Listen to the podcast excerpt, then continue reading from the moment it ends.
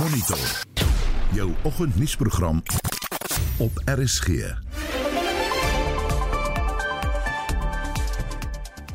In vanoggend se program, die Vereniging van Onafhanklike Gemeenskapsaptekers spreek kommer uit oor tekort aan noodsaaklike medisyne.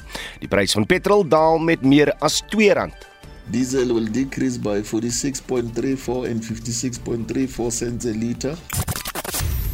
Metro munisipaliteite se uitstaande skuld aan Eskom neem toe en Liz Truss is die nuwe premier van Brittanje. I will deliver a bold plan to cut taxes and grow our economy.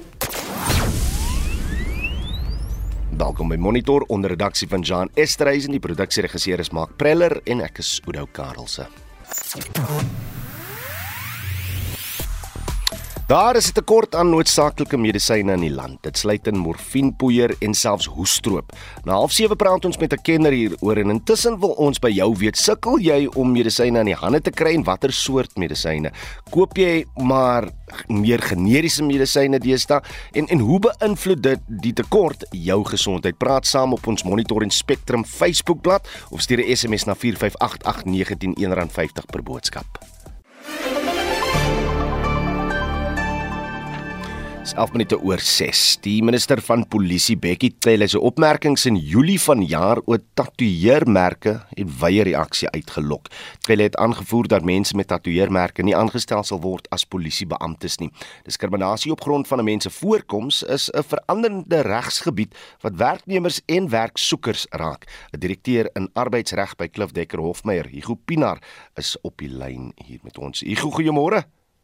Goeiemôre Oudo, dankie. Uh, lekker om jou saam met ons te hê. Sê my, wat word as diskriminasie geag op grond van persoonlike voorkoms? Ja, dankie Oudo. Mag mag ek net in beginsel sê dat weet soos meeste van eh, die minister se uitsprake is dit maar teleurstellend, irrasioneel en waarskynlik 'n aantasting van mense se menswaardigheid, maar uh, net meer spesifiek tot jou vraag, die raamwerk van jou antwoord lê natuurlik binne die ons grondwet, weet artikel 93 verbied enige vorm van diskriminasie binne gelyste gronde. En soos jy reg gesê het, uh, as jy kyk na die wet op uh, die wet op werknemer gelykheid of gelykheid, dan is daar artikel 6 wat sê applikante word ook beskerm. Uh, en jy mag nie teen diskriminasie teen diskrimineer op grond van geloof of kultuur of andersins nie en natuurlik op enige ander arbitreëre gronde nie. So Ehm um, ja, wat konstitueer en dit en dan natuurlik geen reg is absoluut nie. So hmm. dis die raamwerk. So net in beginsel natuurlik mag 'n werkgewer 'n reël in plek hê solank dit nie arbitrêr of diskriminerend is nie en natuurlik moet dit in lyn wees met die bedoeling daarvan. Hmm, hmm. Uh, daar daar was die interessante uitspraak binne korrektiewe dienste waar werknemers ontslaan is omdat hulle dreadlocks gedra het. En uh die bedoeling het hulle gesê is dreadlocks beteken mense is ongedissiplineerd en uh dit is maak hulle nie netjies nie. Natuurlik was dit vir vrouens toegelaat en die hof het reg gesê uh, jy weet daai reël is onwettig en ongrondwettig. Hmm. En aggenome dat geen reg absoluut is nie. Artikel 36 van die grondwet nou, beperk dit. Nou, ek wou as ons nou meer spesifiek vra. Uh, uh, Becky Tell het nou aangevoer dat mense met tatoeëermerke nie aangestel sal word as polisie beamptes nie. Kan hy dit regkry binne die raamwerk wat jy nou beskryf het? Ek dink dat daar 'n goeie saak om uit te maak dat sy uh reël is 'n aantasting van mense se menswaardigheid uh, dat jy dit kan link uh, kan kan verbind met uh, arbitreëre grond uh, binne die artikel 6 waarna ek verwys het. Um, en en dat dit uh waarskynlik ongrondwettig is. Natuurlik, uh, jy weet, jy kan uh, tatoeëermerke nie rassisties of so en so meer wees nie mm. en uh, jy weet jy moet steeds binne daai raamwerk val. Uh, maar jy weet werknemers sal waarskynlik 'n reg hê of applikante om daardie aspek hof toe te vat. Uh en en om suksesvol aan te tas. Jy weet daar's 'n groot sensitiwiteit in ons land vir werknemerregte. Hmm, hmm. As ek nou reeds werksaam is en na was aanvanklik nie reël teen tatoeëermerke nie, kan ek sekerlik sekerlik nie hier afgedank word as gevolg van my tatoeëermerk nie voel. Ja, ek stem saam met jou Oudo. Natuurlik met jou dat die heermerk soos ek gesê het nie rassisties of so van aard wees nie. Hmm. En 'n werkgewer kan ook nie insydig diensvoorwaardes wysig uh, binne 'n bepaalde konteks nie. Soos jou voorbeeld is 'n goeie een. Ek sou dink dat daai werknemer kan nie ontslaan word nie. En soos die uh, Rastafariërs is natuurlik ontslaan op daai stadium en hulle het suksesvol gelitigeer teen die werkgewer. En as jy nou 'n werksoeker is, kan 'n werknemer jou een kyk geen besluit hier go. Hulle hou nie van uh, jou hare of jou tatoeëermerke nie. Ek dink dis 'n gevaarlike en dis 'n irrasionele wyse om uh, mense uh, wat waarskynlik mense se menswaardigheid kan aantas en ek dink 'n mens moet baie versigtig wees as dit jou uh, maatstaf is. Jy weet uh, die gemeenskapskriterium verander op hierdie goed. Onthou hmm. jare jare terug het mense dikwels gefrons rondom tatoeëre. Uh, dis glad nie meer so nie. Ek kan maar net na die cricketspelers kyk en die rugby spelers. Absoluut. Lande stelde is. Ek, gou as ek nou voel uh, daar's teen my gediskrimineer of dit nou in my werk is of uh, as gevolg van van hoe onderhoud gegaan het vir werk uh, wat wat kan ek dan doen Nou jou jou remedie lê binne artikel 6 van die Wet op Gelykheid waar jy dus met ander woorde jou saak kan verwys na die CCMA en daarna uh, waarskynlik na die arbeidshof sal gaan. En as werkgewer watter regte het jy wanneer dit kom by jou, jou persoonlike of personeel se voorkoms liewer? Jy jy's geregtig om reëls vas te maak en nou reëls moet billik en proporsioneel wees met die bedoeling daarvan en dit mag nie 'n vorm van diskriminasie daarstel nie. As hy, dit dan die Groepinare direkteur in arbeidsreg by Klif Dekker Hofmeyer. Ekonome verwag dat die ekonomie in die tweede kwartaal van 2022 krimp het. Statistiek Suid-Afrika stel later vandag die tweede kwartaal se bruto binnelandse produksyfers bekend. Justin Kennerly het meer besonderhede hieroor. Die hoof van Suid-Afrikaanse makro-ekonomiese navorsing by Standard Bank, Elna Moelman, voorspel dat die BBP kwartaal op kwartaal met 0,5% gekrimp het nadat in die eerste kwartaal met 1,9% gegroei het. Ons verwag dat BBP in die tweede kwartaal met 1.4% gekrimp het van die eerste kwartaal af, hoofsaaklik as gevolg van die negatiewe impak van die vloede in KwaZulu-Natal en natuurlik grootskaalse kragonderbrekings. Ons verwag wel dat dit net 'n onderbreking sal wees van die herstelpad in die ekonomie van die tweede kwartaal van 2020 toe die pandemie uitgebreek het en dat ons weer positiewe momentum in die res van die jaar sal sien. Ons verwag dan ook dat die ekonomie ten minste 2% groei vir die volle jaar sal behaal en dat dit min of meer op dieselfde vlak sal kan voortduur in die mediumtermyn veral as die regering sal volhou met die groei ondersteunende hervormings wat hulle besig is om te implementeer. 'n Stanley-ekonoom, Kevin Links, sê die vooruitsigte vir die ekonomie bly donker en groei sal vanjaar onder 2% bly. Beurtkrag word as die hoofrede vir die inkrimping gegee.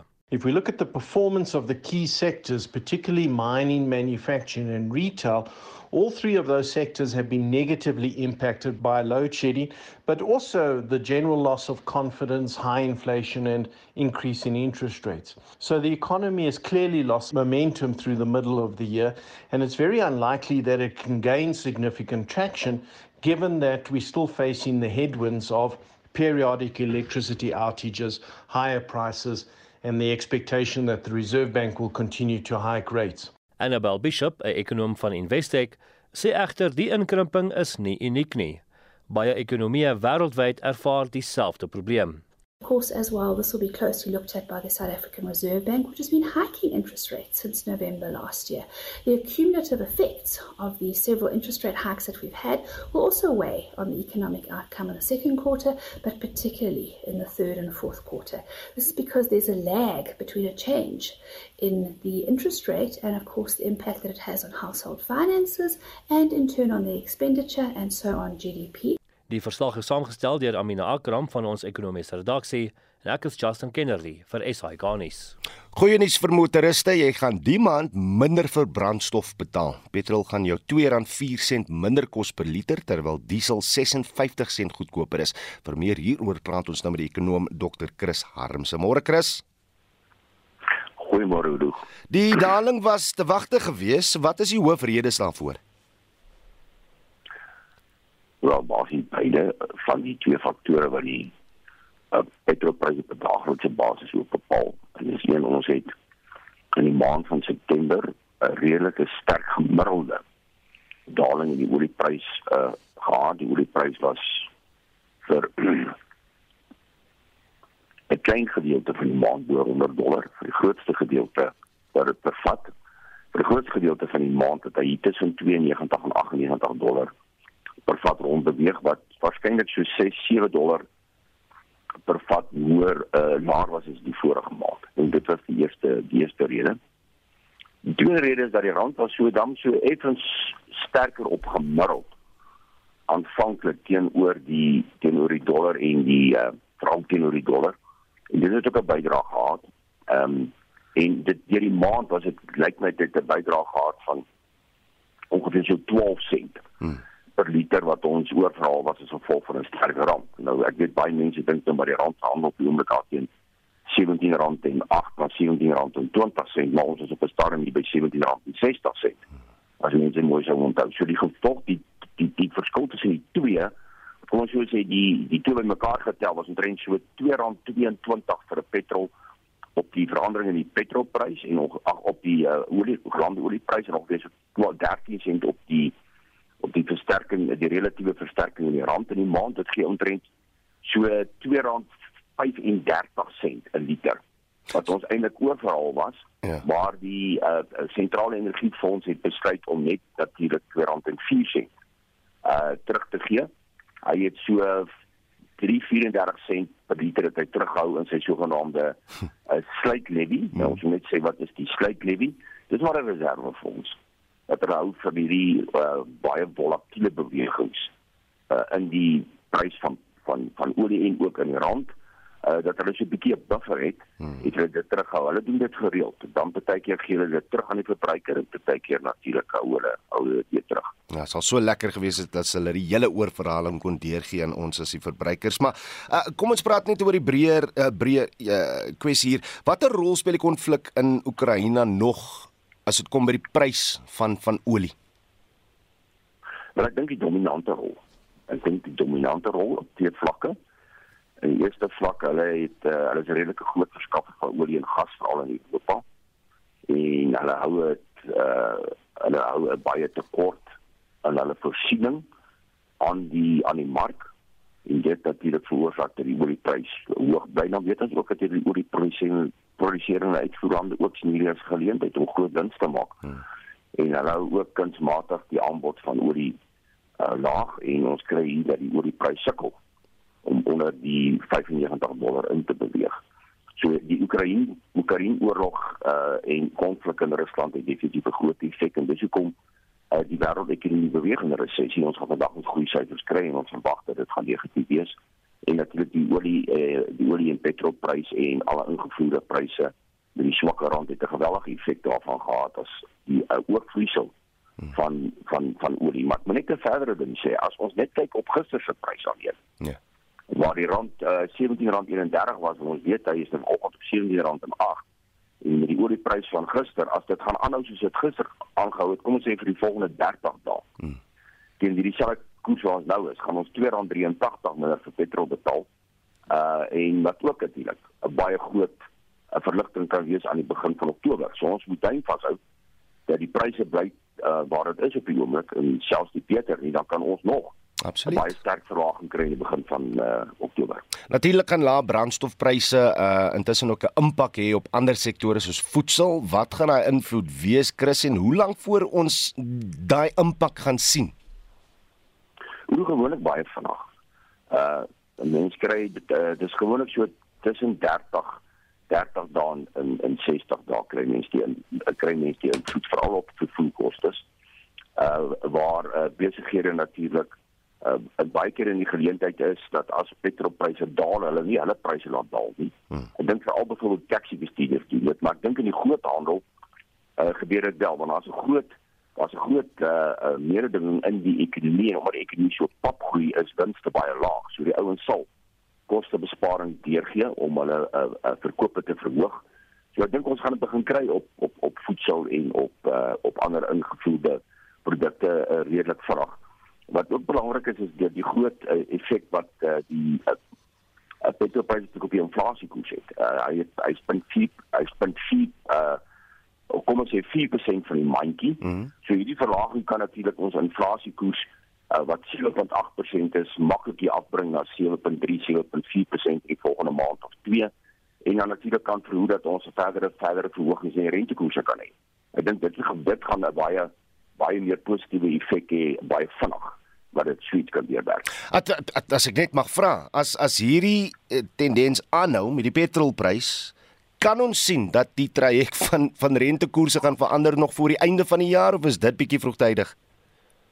Nee, ek dink nie so nie. Ek dink ek dink uh uh ek is oortuig al van ek dink dat selfs in die in die FSA alhoewel daar groot uh groot uh, afwagting is dat die Federale Reserve Raad volgende week rentekoerse weer hier met 'n half persent na 3.4% gaan gaan ver, gaan verhoog is my uh ontleding van die ekonomie en analise van die ekonomie dit is waarskynlik die laaste keer. Mm. Ons het dalk ook waarskynlik nog een keer 'n verhoging sien, maar daarna dink ek gaan hy gaan hy begin verlaag en hy gaan baie in 'n weet verlaag en hy gaan baie sterk verlaag.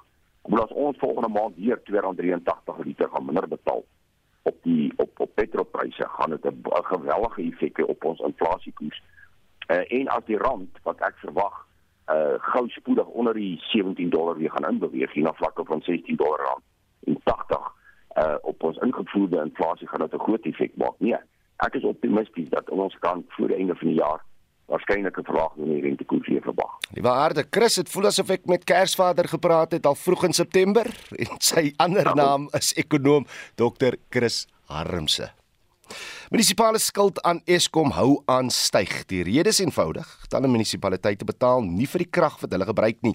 Dit sluit groot metro's in soos Tshwane, Mangaung en Ekurhuleni. 'n Energieontleder Ted Blom sluit nou by ons aan. Ted, goeiemôre. Haai, goeiemôre. Eskom se finansies lyk benard. Hoe hoeveel geld skuld munisipaliteite aan Eskom? Man, Oude, ek dink is hierdie maand uh, ongeveer Dit jammer die lyn tussen ons is nie die beste in die wêreld nie. As ek jou net kan vra, miskien kan jy net so bietjie uh, rondskuif. Hoopelik kry ons jou op 'n beter lyn. Dit is jy daar? Okay. Ja, sien. Daar sê, daar sê jy net begin gesels en net begin verduidelik hoeveel die, die munisipaliteite skuld aan Eskom. Jammer oor die lyn. Ja, en jy ehm um, die munisipaliteit se totale skuld staan op hierdie maand omtrent 50 miljard rand. Ja. En en hoekom sukkel Eskom om die geld in te win? OK, ek bly jy vra daai vraag, Oude, want dis hierdie paadjie kom nou van 2007 en ten nie te staande baie waarskuwings van my kant af is daar nog net steeds geen ag daarop geslaan nie. Jy kan nie vir 12 jaar elke jaar hoër as inflasie tariewe uh opstoot nie. Hmm. Want die mense kry nie meer as uh inflasie uh verwante ehm uh, verhogings in hulle salarisse nie.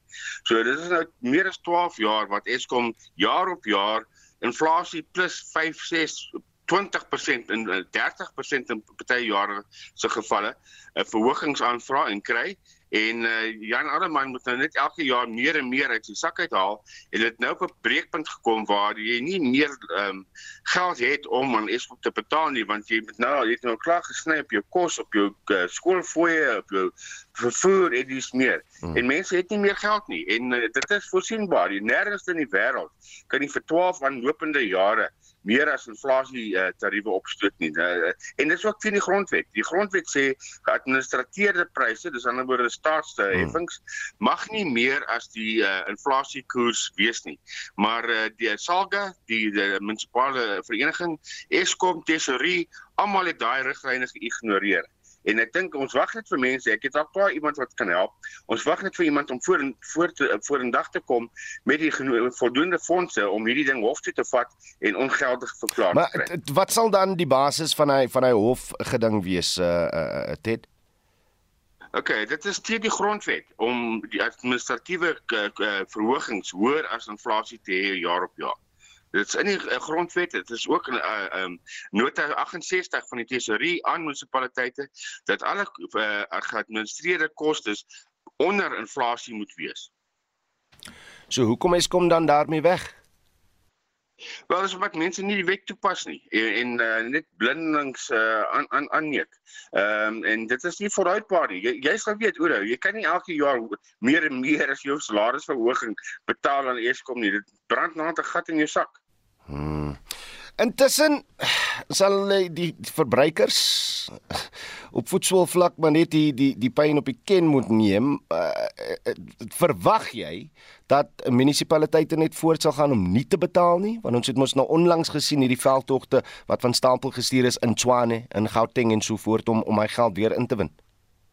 Ja, dit gaan nie oor of die bruikers wil of nie wil betaal nie. Die feit van die saak, saak is dat hulle het nie meer uh, uh voldoende inkomste om meer en meer aan Eskom te betaal nie. Jy weet uh uh, jy kan nie bloed uit 'n klip uittap nie. Uh daar daar is meer geld nie. Dis nie dat die mense ja, ek weet daar is mense wat nou nie wil betaal nie, miskien uh, op die rug ry van die mense wat nou armlastig is. Maar die feit van die saak is, daar is nie addisionele fondse beskikbaar nie. As ek elke jaar net 5% te salarisverhoging kry, kan ek nie elke jaar 10% meer aan Eskom betaal nie. Die die die die die breekpunt word uiteindelik bereik. En ek dink daai breekpunt vir baie mense is al uh, meer as 5, 6, 7 jaar gelede bereik en dis hoekom die munisipale skuld uh, elke jaar met 'n uh, ongelooflike bedrag groei. Dit uh, dit en ek kan nie insien dat daar nie iemand in Eskom is wat die insig het om dit raak te sien nie. Ek het hierdie ding hierdie aangeleentheid persoonlik met minister Gordaan se direkteur-generaal uh, opgeneem meer as 5 jaar gelede en hy het teruggekom na my toe en gesê Teddy want ek ken jou hy was voorheen hmm. by Nersa hy het gesê Teddy Ehm um, dis 'n politieke besluit wat vir ons Eskom gaan breek of ons munisipaliteite gaan breek. En dit is nou baie duidelik, hulle probeer die munisipaliteite breek. Om om hoekom? Hoekom sou hulle? Nee, jy daai vraag moet jy aan minister Gordaan vra. Dit dit dit dit is sy besluit besluit gewees. Ek ek kan jou nie help met daai besluit nie en hy het geweier om my persoonlik te te woord te staan. Ons het deur sy direkteur-generaal gepraat. Dit blom, los hom daar energieontleder Ted Blom oor uh, die krisis as dit kom by munisipaliteite en wat hulle aan Eskom skuld. Reg blykbaar, uh, wel, voor die handliggend as ek kyk na julle boodskappe, is daar 'n tekort aan noodsaaklike medisyne in die land. Nou Frans vanoggend, uh, hoe raak dit jou gesondheid en waar sien julle die tekort? Alta Adams sê Advil CS en Mybulen. Uh sy ervaar dit. Is die besydenhout sê Silodex vir kiddies se ore. Uh Auntie Sinden sê ja, hulle haal al die goeie medisyne van die mark af, soos byvoorbeeld Sofalex en Sinuclear vir kinders. Ongelukkig werk generiese medisyne nie vir ons nie. Petro Kloete Leroux sê my dogter het 'n groot probleem met haar oë en moet verskeie oogdruppels gebruik waarvan sommige glad nie beskikbaar was nie as gevolg van die Russe se oorlog. Eindresultaat was dat sy twee oogoperasies moes ondergaan om 'n stent in elke oog te sit. Uh, Nancy Bets Ferreira, ons kon net gedeeltelik antibiotika kry vir my man se bronkietis, die res is later afgelewer. Die kroniese goedjies was gelukkig wel beskikbaar. Ina sê drink sommer as moontlik meds andersins kry ons maar uh, by die kliniek die regeringskliniek wat ook al beskikbaar uh, wat ook al beskikbaar is vir ons kwale en dan sê Alta Adams krye bossie tuin raak nou 'n moed. Praat saam op die Monitor en Spectrum Facebook bladsy of stuur 'n SMS na 45889 en dit sal jou R1.50 per boodskap kos.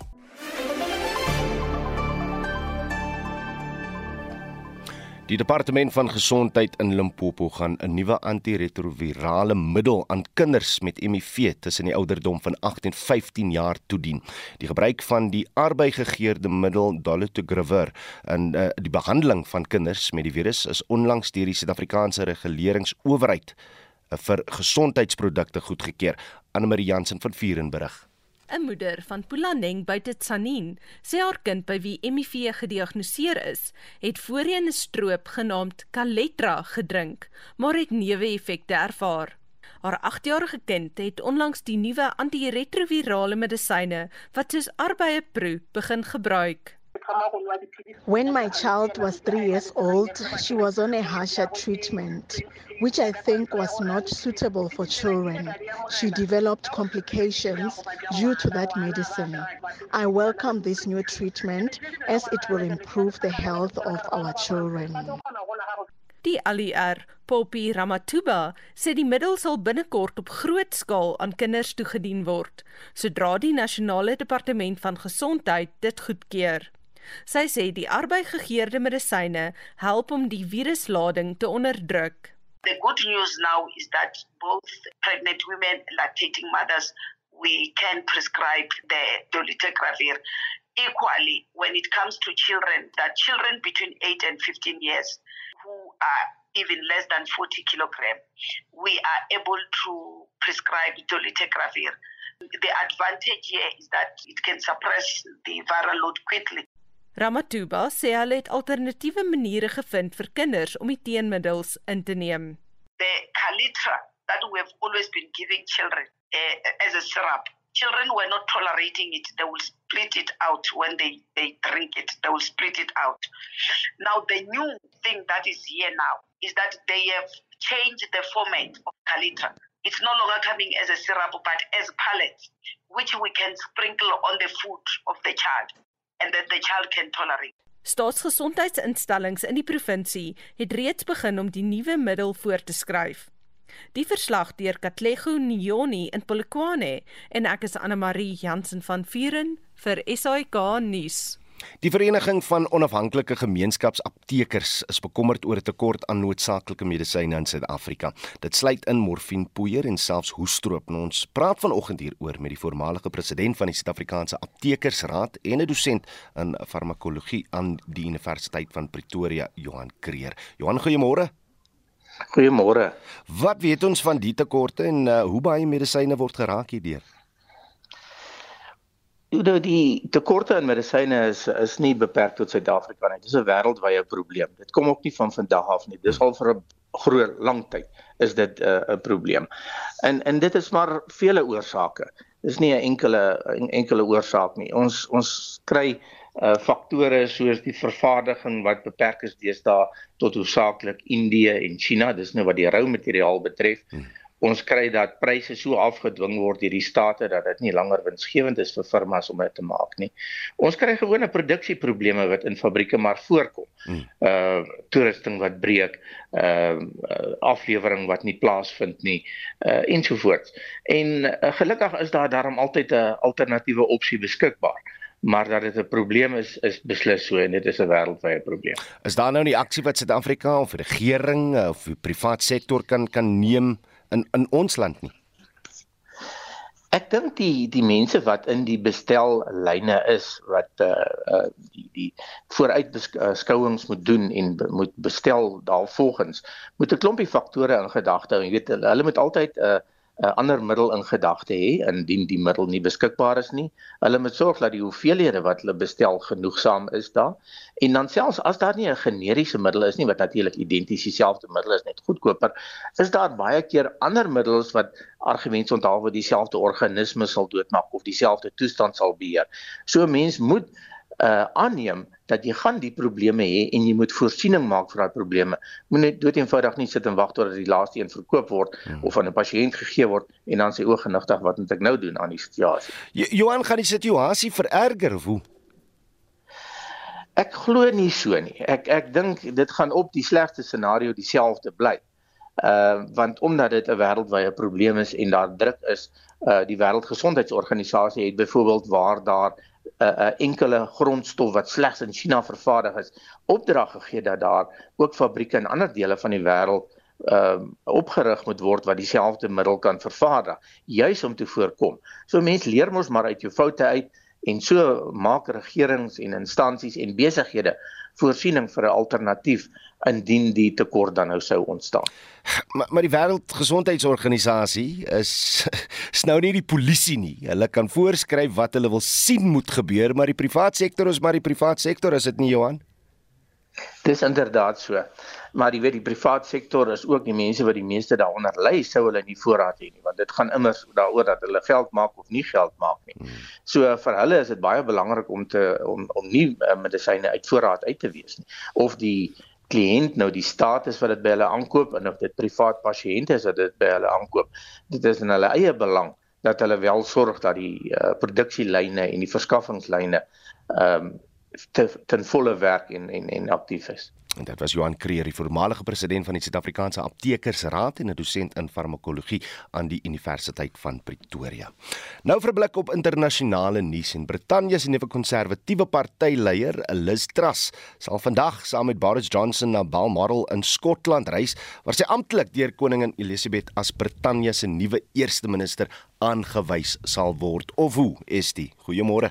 Dis Dis reg Oudo en die 47-jarige Truss sal dan gevra word om 'n kabinet aan te wys.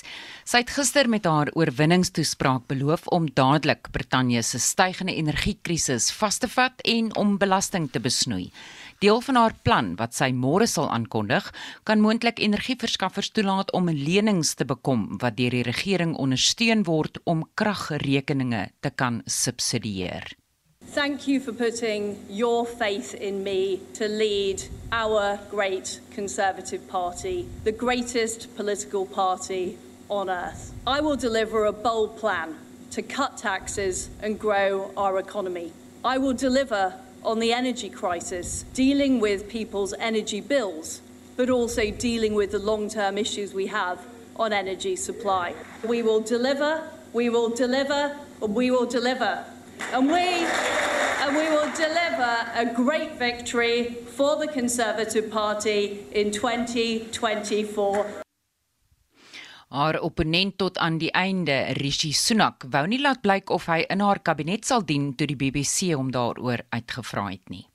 And she will have my full support as the new Conservative government gets on with delivering for the British people. If you're offered a job in Liz Truss's cabinet, would you accept? That's not what I'm focused on, and what I can say is that Liz Truss will have my full support as the new government gets on with delivering for people. Well, it's just look, these these things that a they're not they're not for me, but also it's just not something I'm thinking about.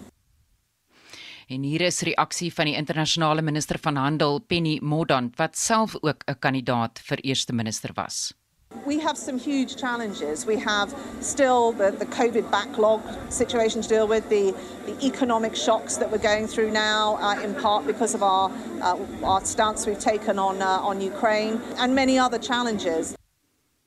En reaksie van die leier van die Arbeidsparty, Sir Keir Starmer. Well, we've heard far more from the latest Prime Minister about cuts to corporation tax over the summer than we have about the cost of living crisis, the single most important thing that's bearing down on so many millions of households. Dit was Sir Keir Starmer, die leier van die Arbeidsparty. En nou verskuif ons die fokus na Kanada waar 'n aardige storie waar die polisie in 'n gebied in Saskatchewan op soek is na nog een van twee verdagtes wat die naweek op 'n dodelike tog was en verskeie mense is dit met messe doodgesteek het. Dis reg, Oudo, dit is 'n aardige storie soos wat jy noem en dit word as die dodelikste massa messtekery tot nog toe in Kanada bestempel. Altesaam 10 mense is Sondag doodgesteek en nog 18 is beseer deur twee broers. Die lijk van een van die broers, die 31-jarige Damien Sanderson, is in die James Smith Cree Nation naby aan van die huise van verskeie van hierdie slagoffers gevind. Maar sy broer Miles is nog op vry voet. Hier is die assistent polisiekommissaris in die gebied, Rhonda Blackmore. We can confirm he has visible injuries. These injuries are not believed to be self inflicted at this point. Miles Sanderson, Damien's brother, may have sustained injuries. This has not been confirmed. But we do want the public to know this because there is a possibility he may seek medical attention. Kanada se eerste minister Justin Trudeau het gesê die soort geweld het geen plek in enige gemeenskap of land nie. En dit was ons estimate oorsig oor vandag se wêreldnuus. Kom ons bly by die storie dat Liz Truss die nuwe Britse eerste minister is. Die politieke wetenskaplike Roland Henwood van die Universiteit van Pretoria hou die storie geruime tyd al dop. Môre Roland, Goeiemôre Oudo.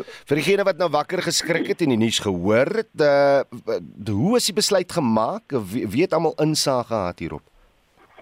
Goed, daar's twee fases in die proses. Die eerste fase het Britse parlementslede intern gestem tussen 11 kandidate wat aanvanklik beskikbaar was en dan het die oor die sterkste twee kandidate is dan in 'n verkiesing deur die lede van die konservatiewe party onderwerp en die persoon wat die meeste stemme in daardie verkiesing gewen het is dan as die partyleier aangewys en daardie persoon word outomaties nou die um, eerste minister.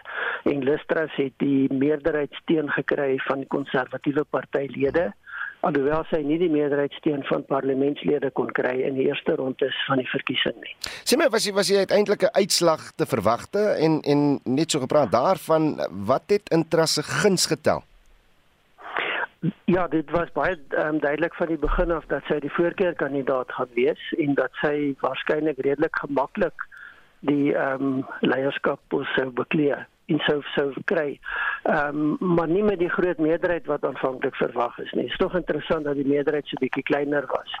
Hmm. Ehm um, wat in haar gunstel is ervaring. Sy is al sy was die jongste vrou wat lid van die Britse kabinet geword het en sy het gedien onder drie eerste uh, ministers, um, Johnson, May en ehm um, sy voorganger. So dit is nogal 'n langtermyn wat sy daar is baie senior poste bekleed buitelandse sake internasionale handel ehm um, betrokke gewees in daai konteks met onderhandelinge met Europese moonthede oor Brexit byvoorbeeld. Ehm um, so sy het baie goeie ervaring op hoë vlak en en dan waarskynlik die feit dat sy baie naby aan die ideologie van die konservatiewe party bly beweeg het en na verbind het tot daardie ideologie en ook dat sy tot 'n baie groot mate een van die mees loyale lede van Johnson se kabinet was ook loyaal aan hom tot en en ook met haar aanvaardingstoespraak gister hmm. baie duidelik aangedui dat sy nie dramatiese nuwe veranderinge gaan bring nie maar dat sy tot 'n groot mate kontinuïteit gaan bring. Wel daai lojaliteit waarvan jy nou praat is is dit 'n goeie of 'n slegte ding vir haar termyn en ook sy sy erf 'n swakker ekonomie en inflasie is op 'n 40 jaar hoogtepunt. Daar daar lê 'n reuse taak voor vir haar of hoe? Ja, sy is waarskynlik een van die premiers wat ehm um, en sy hou nie van die vergelyking nie, maar wat sedert Margaret Thatcher se bewindsaanvaarding seker die moeilikste ekonomie en politieke omstandighede erf om in te begin regeer. So dis 'n baie groot uitdaging.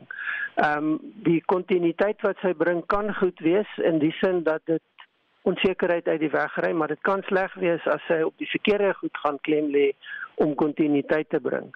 Ons moet onthou dat sy oorneem by Johnson wat 'n regering swak regering agtergelaat het en in baie skandale betrokke was, swak besluite geneem het. Ehm um, sy hantering van Brexit was rampspoedig vir die Britte gewees en as sy dit gaan voortsit dan gaan sy daai probleme vererger. So sy het 'n regering wat nie baie vertroue inboesem nie, sy beleid boesem nie vertroue in nie. En en dit maak die kontinuïteit en die loyaliteit wat sy bring iets wat nie noodwendig goeie nuus is nie. Baie Suid-Afrikaners, Roland, immigreer nog na Engeland. Verwag jy enige veranderinge aan die uh, immigrasiewetgewing wat sake vir hierdie mense spesifiek kan bemoeilik? Dit is moeilik om te sê of daar verandering op die stadium sal kom. Ek dink dit is noodwendig een van die prioriteitsake nie, maar dit is baie duidelik as 'n mens gaan kyk na wat op die stadium in opnames bevind word, is dat die hele kwessie van immigrasie vir die Britte soos vir die res van Europa besig is om 'n groot politieke kwessie te word. So dit is moontlik dat daar veranderinge kan kom, maar nie noodwendig die tipe veranderinge wat mense uit Suid-Afrika onmiddellik sal raak nie. Roland Edward is 'n politieke wetenskaplike aan die Universiteit van Pretoria. Keniane wat in Suid-Afrika woon, het al gewig gegooi agter die Hoogste Hof in Kenia se beslissing dat William Ruto die nuwe president is. Die hof het eenparig besluit om die verkiesingsuitslag te handhaaf. Keniane sê hulle ondersteun Ruto ten volle, maar die skeppers het meer. 'n Groep Keniane wat in Suid-Afrika woonagtig is, sê hulle staan agter die nuut verkose president William Ruto nadat die land se hoogste hof die verkiesingsuitslag bevestig het. Hulle gee egter toe Ruto staar talle uitdagings in die gesig. The first thing that he needs to deal with is almost half of the country didn't vote for him. And then we, we have like uh, almost 7, 6.9 million people that voted that didn't vote for him. And we have another 8 million that didn't even vote at all. So we are a very divided nation at the moment. So I think his first job should be to heal the nation, reconcile the nation. All Kenyans want is a peaceful and progressive Kenya. Every Kenya is a peace-loving human beings and we're looking forward to Ruto's presidency. The judiciary in Kenya has uh, pronounced that uh, the election that we just had were one of those uh, that uh, are very credible almost in the whole world. Ander was teleurgesteld in Raila Odinga se nederlaag wat die einde van die veteraanleier se politieke loopbaan beteken. He's contributed so much to the democratic space that Kenyans are enjoying today. And for that, as a nation, we should be entirely grateful for his contribution. I think he's tried his best. It's now time for him for to go to retirement to support the new government. 'n Politieke ontleder, Dr. Spandamdla Zondi, sê die uitspraak het die land se demokrasie getoets en is aanduidend van die onafhanklikheid van die land se regbank. Decision of the court in Kenya regarding the electoral dispute between the presidential candidate who contested this year's election is a positive message about the importance of the judiciary when there are political disputes and serious disagreement that could plunge a country to a crisis that we saw in Kenya in 2008. Die uitgaande president Uhuru Kenyatta sê hy sal 'n gladde oorgang verseker, maar het in geen stadium van sy toespraak Ruto se naam genoem nie. Kenyatta en Ruto het 'n uitval gehad waarna Kenyatta sy steen agter Odinga gegooi het. The process of handing over is in progress through the Assumption of Office Committee, which actually has already begun its work as of August 10th, 2022. And indeed, it is my intention to oversee a smooth transition to the next administration, and all the necessary orders to facilitate this process have already been issued. Ruto het intussen teruggekap na diegene wat die uitslag betwyfel het. Democracy is expected to unite a people, strengthen their society, and improve their institutions, and must not become an acrimonious, fearful, and desperate enterprise. We offered alternative visions and missions and submitted to the sovereign decision of the citizens of Kenya. We are only competitors, not enemies. We vied to unite and strengthen Kenya, not to divide and weaken it. Die nuutverkose president sal volgende week ingehuldig word. Die verslag is saamgestel deur die Taba Tsotetsi en ek is Marlie Skeepers. Reg, ons praat vanoggend oor die tekort aan noodsaaklike medisyne in die land en vra of jy sukkel uh, en hoe dit jou gesondheid beïnvloed. Veronica van Staden sê ja, Monty Air vir ons kinders met sinus en asma, daar's 'n groot tekort daar, maar uh, moet nou ander soortgelyk gebruik, maar dit het nie dieselfde effek nie. Petra van Rensburg sê ja, het weer vanoggend by Clicks nie pille gekry nie en dit sommer Ibumax. Dit moet tog volop beskikbaar wees. Sunny Kemp sê Fenagan al vir maande. Ek drink dit op voorskrif om te slaap. Terwyl Marina niemand soos 'n paar van julle op die SMS en Facebook bladsy gesê het, uh Advil, daar's 'n groot tekort aan Advil, CS. Uh Annelien Matthysen sê die Boniva binneaardse inspuiting wat elke 3 maande uh kry was nou vir 'n paar maande nie beskikbaar nie en moes ek 'n pilletjie een keer 'n maand gebruik inspuiting nou weer beskikbaar. Uh Madeleine Rood sê my man gebruik net ou boererate soos Lennons en krye gebruik dit vir ons hele gesin. Uh Rense Maslow Maasdorp sê presies dieselfde ding, gebruik Lennon se produkte want dis al wat ek kan bekostig sonder 'n mediese fonds. Borsdruppels, parogorie, heuning is enige griep of verkoue se Moses hier by my. En Janet Kutse sluit net by daai uh, uh denkwyse aan. Sy sê koop Lennon se uh, se botteltjies vir elke kwal, borstol vir hoes, beste ooit en het 'n tassie vol vir alle skete. Uh, ja, laat weet wat uh of waar jy tekort staan met uh, noodsaaklike medisyne in Suid-Afrika. Praat saam op die Monitor en Spectrum uh, Facebookblad of stuur 'n SMS na 4588919 R1.50 per boodskap. Hitsmerk Nadal is 'n gewilde onderwerp op sosiale media.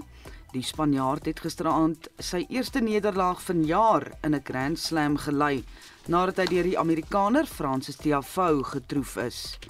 Dit is ook die eerste keer in 10 jaar wat 'n Amerikaner in die mans enkelspel by die Amerikaanse Ope na die kwartfinale deurdring. Nadal het tydens 'n nuuskonferensie na die tyd gesê dit is vir hom tyd om huis toe te gaan omdat daar tuis belangriker dinge is waarna hy nou moet gaan aandag gee. Ek wonder wat sou gebeur as hy finaal of na die volgende ronde toe is.